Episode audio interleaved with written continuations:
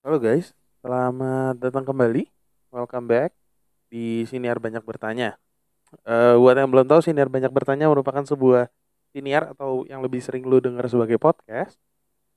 Eh yang gua buat memang sengaja untuk eh, gua melatih public speaking gua lagi. Karena bentuknya kayak radio dan menurut gua cara terbaik melatih public speaking adalah dengan lu punya radio. Tapi obviously gua tidak gua tidak punya kemampuan untuk ada di radio Ya gue latih dulu aja pakai siniar. Makanya semua siniar banyak bertanya. Semua episodenya tidak akan ada editan, tidak ada terpotong, one take only. Eh dan topiknya tentunya macam-macam. Karena balik lagi ini kan cuman gue pengen latihan ya, jadi gue bisa banyak topik apa aja yang mengganggu, meresahkan gue kalau kata komedian. Eh karena itu kayaknya rasanya kita mulai dulu dengan salam. Eh, Assalamualaikum warahmatullahi wabarakatuh. Salam sejahtera buat kita semua. Namo budaya dan salam kebajikan. Eh, topik gue hari ini gue pengen menepati janji gue di siniar sebelumnya yang ketika gue bahas soal dokter gue bilang gue pengen bahas bagaimana BPJS eh, merubah kalau gue nggak bisa bilang reformasi atau merevolusi tapi dia merubah betul eh, dunia kesehatan tapi buat yang belum tahu BPJS kesehatan sebetulnya bukanlah program pemerintahnya BPJS kesehatan adalah lembaga yang ditunjuk kalau nggak salah sih lembaga independen eh, yang ditunjuk oleh pemerintah untuk mengelola sebuah program Universal Health Coverage eh, dikasih nama di Indonesia adalah Jaminan Kesehatan Nasional Kartu Indonesia Sehat JKN KIS. Biasanya ditulisnya gitu sih yang gue tahu JKN strip KIS. Tapi gue nggak tahu undang-undangnya, lo harus cek. Karena ada undang-undang yang mengatur khusus tentang BPJS. Eh BPJS sendiri, BP, eh, kita karena kita udah kebiasaan yang nyebutnya BPJS, BPJS, BPJS. Padahal BPJS itu ada tiga, eh ada ada dua sebenarnya kalau yang belum tahu ya. Ada BPJS Kesehatan, eh, merupakan lanjutan dari Askes atau asuransi kesehatan. Kemudian ada BPJS Ketenagakerjaan, lanjutan dari Jam Sostek. Terakhir kalau saya ganti nama jadi BP Jam Sostek, gue nggak tahu udah jadi apa enggak. Eh, intinya sih gitu. Nah kalau BP eh, BPJS Kes- Ketenagakerjaan, biasanya yang tahu HRD dan dan pegawai kantoran ya. Itu nanti ada jaminan hari tua. Yang kemarin ber, yang kemarin sempat riuh-riuh itulah soal aturan di eh, di snakernya yang sempat heboh banget di Kemenaker terus sampai presiden bilang eh, kita batalin undang-undangnya soal JHT, jaminan pensiun dan sebagainya. Eh, nah kalau misalkan si kalau misalkan si BPJS Kesehatan yang lebih sering kita kenal dengan si BPJS itu sebetulnya eh, tadi kan programnya. Nah itu gue melihat sendiri si BPJS itu menyelamatkan gue nggak bicara pasien ya, gue bicara keluarga pasien. Salah satunya adalah teman gue. Eh teman gue itu dulu kan dia yatim piatu ya. Terus tahun 2011 dia yatim piatu udah dari kecil. Terus kayak ketika dia masuk kuliah 2011 2012 dia kan kuliah sambil kerja karena dia harus bayarin kuliah dia sendiri. Nah pada saat itu yang gue tahu kakak dia sakit gagal ginjal harus cuci darah seminggu dua kali. Buat yang nggak tahu cuci darah itu mahal banget. Waktu itu satu bulan itu dia bisa habis kira-kira kalau gue nggak salah ingat 4 jutaan. Waktu itu sempat nanya gaji lu berapa? Kalau gue nggak salah ingat gaji dia waktu itu cuma 3 juta. Jadi gaji dia dan kakak dia itu bisa habis cuman buat cuci darah. Dia waktu itu udah ya dibilang bingung ya bingung. Ya keluarga dia masih punya keluarga, masih punya tante, masih punya om yang mau bantu, tapi kan om tantenya juga bukan konglomerat Indonesia gitu. Jadi cuci darah tiap seminggu dua kali itu tetap bukan pekerjaan enteng. Tabungan menipis, dia bingung dong. Mau ngapain?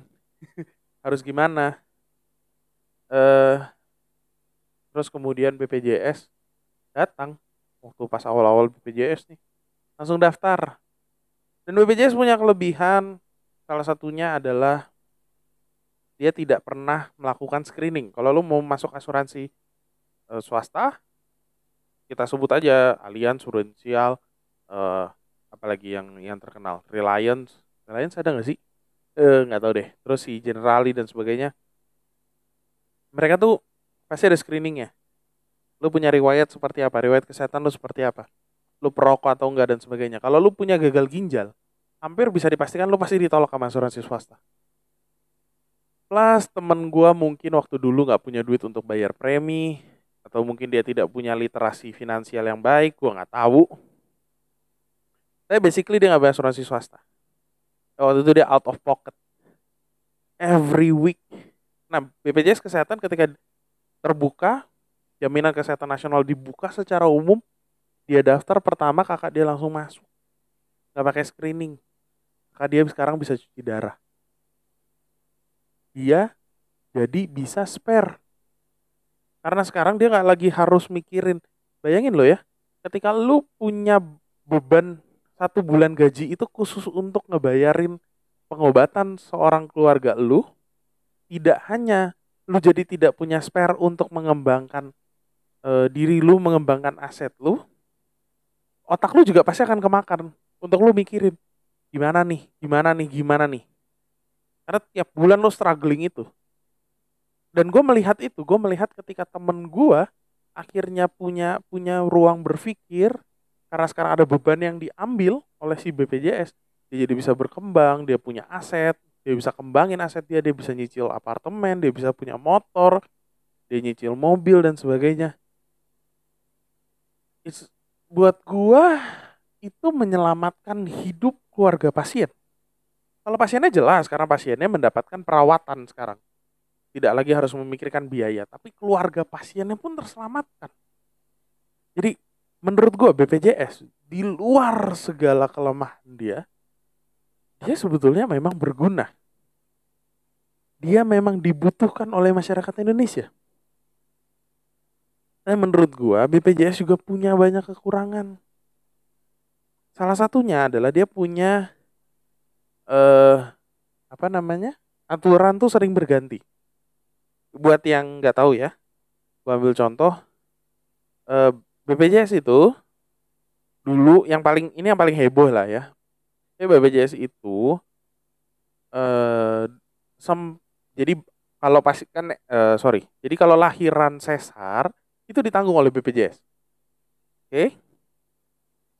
Ketika awal bayi hasil dari lahiran sesar itu bisa diklaim. Oke. Tiba-tiba BPJS bilang tidak bisa diklaim. Kemudian BPJS bilang bisa diklaim berdasarkan surat edaran Kemenkes waktu itu. Kemudian tiba-tiba BPJS bilang tidak bisa diklaim.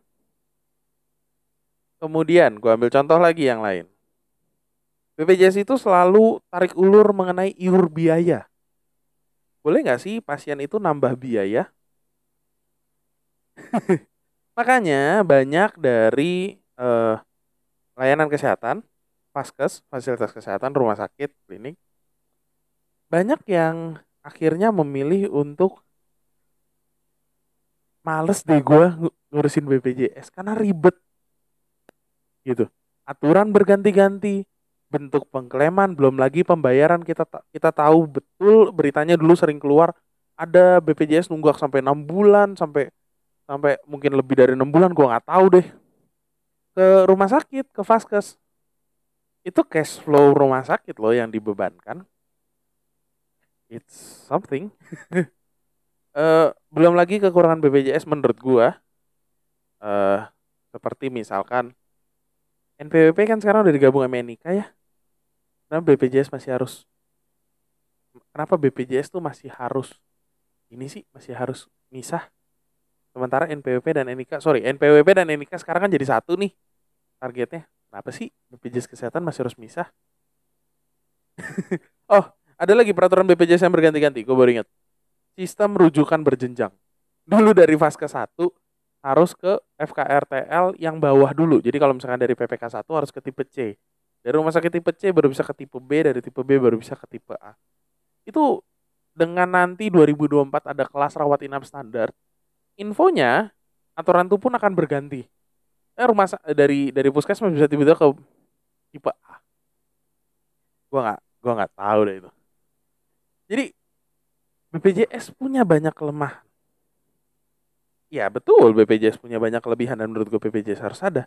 Tapi kita juga tidak bisa menutup mata bahwa ada banyak kelemahannya BPJS yang akhirnya membuat Vaskes males eh, kerjasama dengan BPJS untuk bisa melayani pasien-pasien BPJS. Tapi kasusnya di at least di 2022 ini rumah sakit yang tidak melayani pasien BPJS rata-rata rata-rata volumenya rendah sekali. Volumenya rendah sekali. Mereka yang tidak melayani BPJS, 100% tidak melayani BPJS ya, gue berbicara yang 100% tidak melayani BPJS, tapi volumenya masih tinggi, hanyalah mereka yang rumah sakitnya memang mewah dan ditunjukkan untuk pasien menengah ke atas. Mungkin bukan bahkan bukan menengah ke atas. Pasien kaya. Ada yang seperti itu. Ada yang seperti itu. Tapi, eh, uh, sorry, ada yang seperti itu. Rumah sakit, rumah sakit yang yang akhirnya uh, karena mereka market target marketnya di orang kaya, mereka survive. Mereka survive, mereka bisa. Volumenya kecil, volumenya sebenarnya tetap kecil, tapi tetap ada. Tapi kemudian karena value per gede, mereka save. Masih bisa. Uh, walaupun, setahu gue, banyak rumah sakit rumah sakit yang akhirnya nyerah fine gue ikut gue melayani BPJS mau tidak mau gue melayani BPJS oke okay? dan itu akhirnya memaksa juga banyak rumah sakit yang selama ini tidak terakreditasi akhirnya terakreditasi. Jadi itu salah satu perubahan tanda kutip gue nggak tahu deh ya baik apa enggak menurut gue baik lah tanda kutip baik. Uh, yang dibawa oleh BPJS memaksa rumah sakit untuk akreditasi. Karena tadi ketika lu mau kerja sama dengan BPJS lu harus akreditasi. Kalau lu nggak bekerja sama dengan BPJS volume pasiennya kecil sekali kecil sekali. Dan gue nggak bohong. Di awal di awal itu membuat banyak rumah sakit berusaha berinovasi. Dalam bentuk apa pun. Bagaimana menurunkan uh, eh, COGS bagaimana mengefisiensi biaya dan sebagainya. Bagaimana memberikan pelayanan yang tetap lumayan tanpa mengeluarkan biaya yang gila-gilaan. Tapi di 2022, entah kenapa, at least di, di beberapa kota seperti di Sukabumi, BPJS menerapkan sistem zonasi. Gue nggak ngerti itu tujuannya ke mana. Karena maksud gue gini, ketika lo menerapkan sistem zonasi, lu seperti sudah mematok.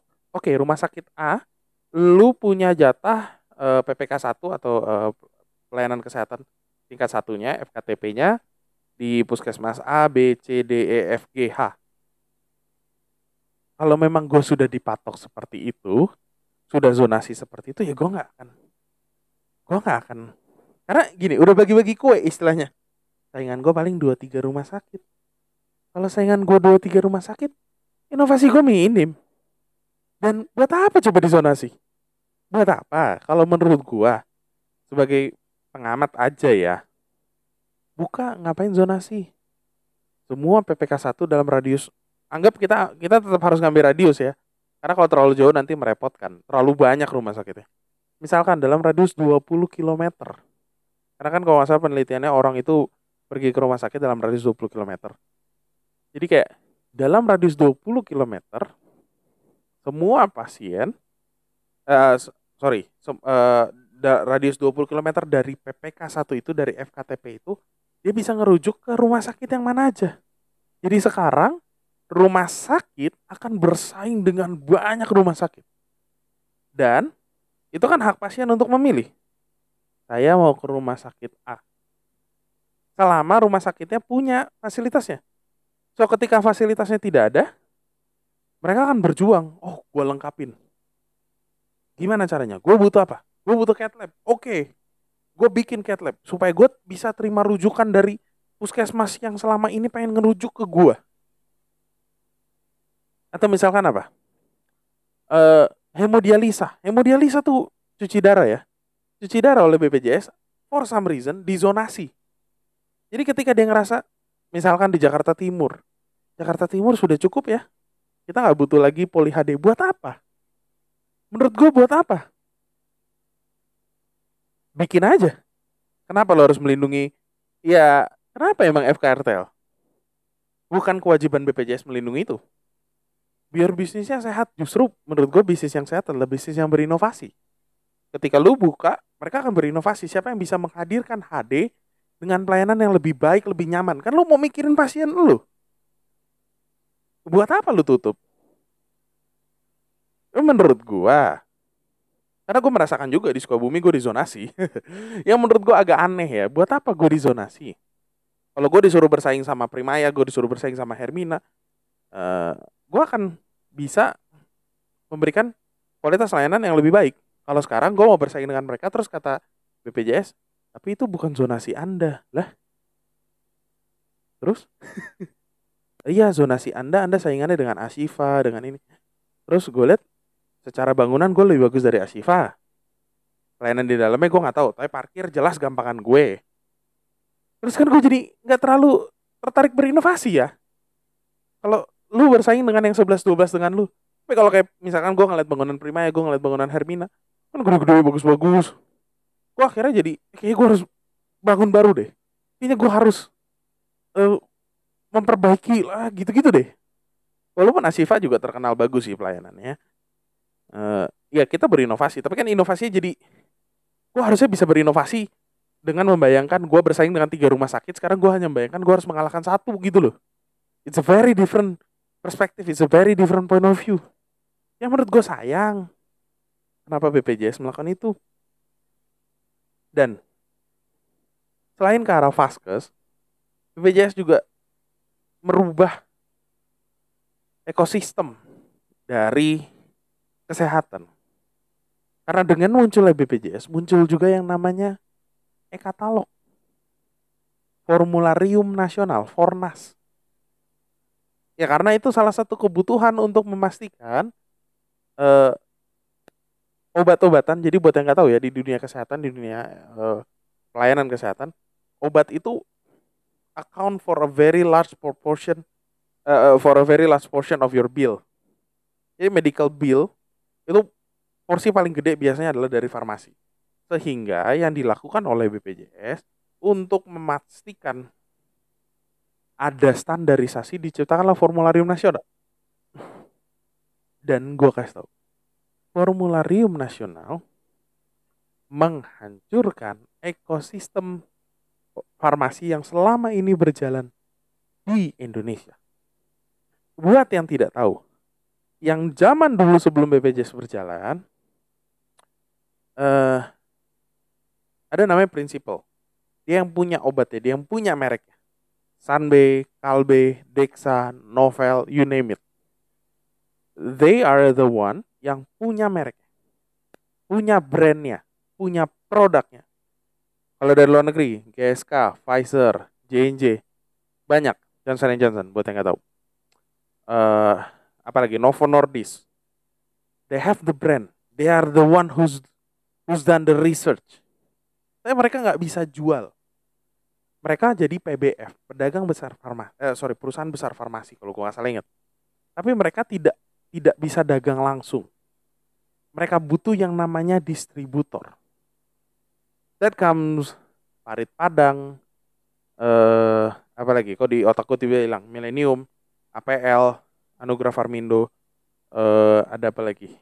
Eh, banyak lah. Gue nggak apal dan satu lagi, para pemegang brand, para pemegang produk ini tidak bisa bikin sendiri produk mereka. Makanya ada Hexafarm, ada si uh, ah tiba gue lupa semua deh. Banyak pabrik-pabrik obat. Ada kayak Sanbe dia punya pabrik obat dan dia punya ini. Tuh misalkan kayak si uh, Lapi juga punya pabrik. Piridam, Piridam tuh pabriknya setahu gue lebih lebih sering kedengeran dibandingin uh, prinsipalnya but you get you get the point. Jadi ada prinsipal, ada pabrik yang kerjanya memproduksi obat, ada uh, distributor. Distributor jelas gunanya ngirim obat, nagih, penagihan administrasi. Oke. Okay? Nah, si prinsipal ini sebenarnya bertindak selayaknya marketing company. Karena sekarang kita sebut misalkan paracetamol, kita punya Sanmol, kita punya Panadol, kita punya paracetamol generik, kita punya banyak. Uh, kalau yang sirup mungkin drop kita bisa bicara ada tempra. Banyak. Sekarang dokter dan pasien milih yang mana? Nah itu tugasnya prinsipal dong, supaya produk yang dia punya dipakai. So they they are basically a marketing company, menurut gue. Because they don't they don't produce the product. Uh, rata-rata yang di Indonesia tidak punya R&D. Jadi ya basically marketing company. Jadi ada banyak sekali perputaran marketing di sana. Tiba-tiba dengan adanya formularium nasional, posisi mereka hilang. Dengan adanya e-katalog, maka dari pabrik akan jual langsung melalui e-katalog kepada rumah sakit. Jadi jadi biaya marketing yang selama ini ada hilang. That's why kenapa bisa tiba-tiba harga generik turunnya drop bisa sampai 90%. Dan bukan rahasia umum rasanya. Semua orang harusnya udah tahu maksudnya sudah rahasia umum. Apa gimana lah bahasanya? Bahwa beberapa healthcare provider bisa saja mendapatkan biaya marketing. Jadi dia hilang. Hilang karena BPJS. Dan BPJS karena merasa volume mereka gede, mereka bayar ke rumah sakit kecil tarifnya. Jadi semua rumah sakit harus nurunin tarif otomatis jasa medis ke healthcare provider kecil. Jadi itu alasannya kenapa waktu pas awal banget nggak nggak cuma rumah sakit yang menolak karena ribet dengan BPJS, dokternya pun nggak pengen kerja sama dengan BPJS. Jadi BPJS itu sebuah sebuah program yang yang bagus, gue merasa bagus, tapi di di manage dan di dan dilaksanakan dieksekusi dengan agak gimana ya penolakannya awalnya gede loh. Itu sekarang bayangin. Dokter dulu satu pasien misalkan bisa dapat seratus ribu seratus ribu sekarang turun ke lima puluh ribu dokter umum bisa di sepuluh ribu. Kita bicara poli ya. Terus kemudian kalau dulu obat-obatan misalkan bisa dapat eh, satu persen dua persen mungkin bisa ada yang 20 persen gue nggak nggak tahu. Sekarang tiba-tiba nol. Nol. Harus pakai generik harus e-katalog. And that's actually brings me up to my conclusion. Menurut gua, sebuah program yang baik harusnya bisa menarik BPJS, BPJS Kesehatan saat ini. Ini kan ini kan berkesinambungan nih. Nyambung semua. Karena kemudian Vaskesnya males-malesan nanganin eh, maksudnya kerja sama dengan BPJS. Ya itu tadi ya. Karena pengklaimannya lebih ribet, pembayaran kadang molor. Eh, petugas kesehatannya juga nggak gue dibayar lebih kecil duit gue yang tadinya bisa bisa 2 juta sekarang tinggal 500 ribu membuat akhirnya patient experience struggling karena it's a very basic uh, apa stick and carrot, reward and punishment. Gak ada reward untuk melayani pasien BPJS. Ya otomatis struggling. Experience pasien experience yang struggling. Akhirnya BPJS lakukan apa? BPJS paksa supaya pasien experience-nya bisa membaik.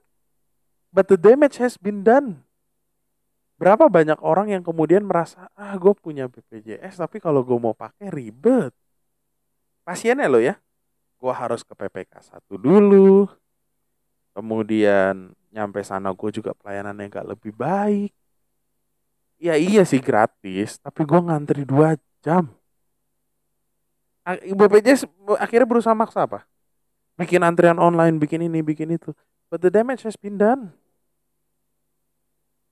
Coba survei. Rata-rata orang akan bilang ya memang BPJS itu uh, berada di bawah asuransi swasta, but it's not supposed to be that way. This universal health coverage harusnya betul-betul jadi penolong buat banyak orang. Tapi yang terjadi sekarang apa? Image-nya tidak sebagus itu. dan informasinya banyak yang simpang siur loh.